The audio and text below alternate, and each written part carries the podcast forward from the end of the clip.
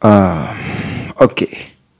membahas tentang transfer antara FCB Barcelona dan Juventus yang cukup menghebohkan di pekan ini yaitu transfer antara pemain bernama Arthur dengan Miralem Pjanic.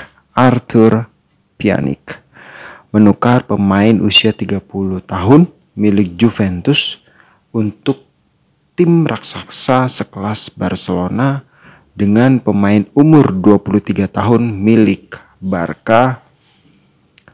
Eh, tapi ada hal yang mengganjal nih menurut gua. Tunggu dulu. Apakah menukar pemain umur 30 dengan pemain umur 23 adalah sebuah keputusan yang tidak tepat bagi Barcelona? Menurut gua tidak bisa begitu. Karena apa?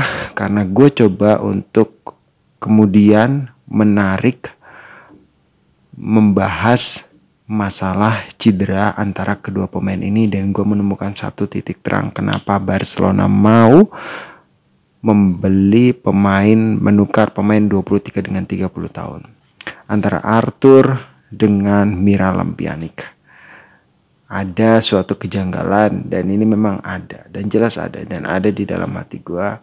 Jadi begini.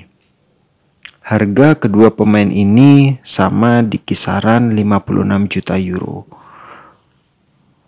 Yang satu gua kayaknya sih Pianik yang lebih mahal sekitar 57 57 juta euro ya, tapi kisaran Soso lah samalah beda 1 juta euro. Tapi kalau kemudian gua coba menelisik masalah cedera si Arthur ini dalam beberapa bulan ke belakang, nah kelihatannya dia sering banget cedera dan langganan cedera, terutama cedera yang terjadi pada bulan Oktober 2019 sampai cederanya di bulan Mei 2020 tercatat di situ ada cedera minor knock atau cederahan seperti minor knock itu seperti uh, cedera seperti benturan pada area lututnya dan itu selama kurang lebih 12 hari. Dilanjutkan dengan cedera pubitis ostitis istilah medisnya. Kalau dalam istilah awamnya adalah cedera radang selangkangan, otot selangkangan. Dan cedera ini gua kemudian bisa mendapatkan gambaran tentang si Arthur, bagaimana cara dia bermain dan uh, pola dia bermain, gue berkesimpulan bahwa pemain yang satu ini adalah pemain yang terlalu aktif, aka pecicilan, nggak bisa diem, sehingga dia mungkin terlalu banyak berlari, dia tidak efektif dalam melakukan shifting, twisting, lalu kemudian menendang. Sehingga kemudian memunculkan cedera pada area otot selangkangan. Dan ini kenapa cedera ini muncul? Gua juga yakin pasti dipengaruhi oleh kurangnya pemain satu ini dalam melakukan latihan tambahan untuk menguatkan otot-otot di perutnya.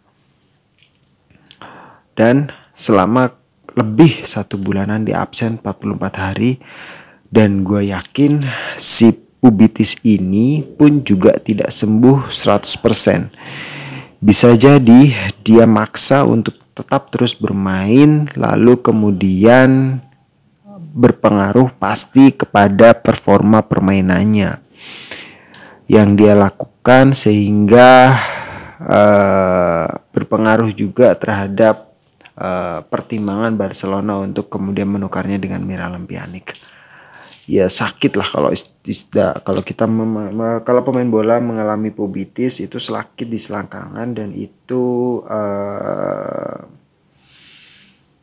agak susah untuk melakukan tindakannya kecuali dia rajin untuk melakukan latihan-latihan tambahan. Cederanya hilang timbul, tapi kalau sudah terlanjur cedera ya eh, butuh tindakan-tindakan yang lebih karena nggak bisa cuma dengan visio tindak-tindakan terapi aja harus kalau perlu mesti ke dokter lalu di USG lihat sebagaimana besar radangnya lalu kemudian diberikan beberapa penanganan-penanganan yang memang khusus untuk cedera satu ini. Beda dengan pemain yang ditukar untuk Arthur yaitu Miralem Pjanic. Pemain Juventus umur 30 years, 30 tahun dengan kasus injury, kasus cedera, riwayat cedera yang pasti lebih banyak dengan Arthur karena ya memang dia berkarir sepak bolanya lebih lama dari Arthur tapi itu wajar uh, si Pianik ini memiliki cedera yang lebih banyak karena dia pasti sudah lebih senior dan sudah lebih baik dan lain sebagainya tapi gue lebih tertarik dengan kasus cedera Pianik ini pada tahun 2019 hingga awal 2020 yang relatif lebih jarang daripada si Arthur. Total hanya 17 hari dia beristirahat di tahun 2019 sampai awal 2020 bahkan. Dengan beberapa pertandingan uh, yang telah Juventus jalani atau lakoni dia termasuk cukup sering eh cukup sering cukup jarang untuk absen gitu dia hanya mengalami masalah-masalah otot ringan begitu aja. Nah, kalau si Arthur ini dia setelah gue hitung-hitung dia itu sudah 120 hari dia rehat untuk membela Barcelona dari 2019 sampai 2020 awal, 2020 awal. Dan cukup sering begitu. Nggak lama cedera, nggak lama cedera sembuh, cedera sembuh, cedera. Hampir setiap bulan si Arthur ini, gue bahasnya balik lagi ke Arthur ya jadi si Arthur ini uh, menderita banyak cedera, menderita beberapa kali cedera, hampir setiap bulan lah dia cedera di area lutut, di area pergelangan kaki, bahkan yang tadi gue bilang di area bubis atau selangkangan. Jadi kesimpulannya, kalau menurut gue pembelian Arthur Pianik cukup berimbang lah. Yang satu masih muda tapi lumayan lebih banyak cedera dan yang lainnya lebih tua ke, lebih tua, lebih kaya pengalaman, tapi dengan usia pemain bola yang udah mau di ujung begitu. Udah umur 30-an dia. Ya. Um, semoga uh, kedua pemain ini dapat memberikan efek yang baik bagi kedua tim yang kemudian akan dibelanya.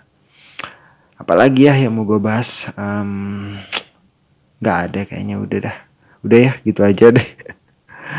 Oke lah segitu dulu podcast dari gua. Terima kasih banyak sudah mendengar dan bye bye.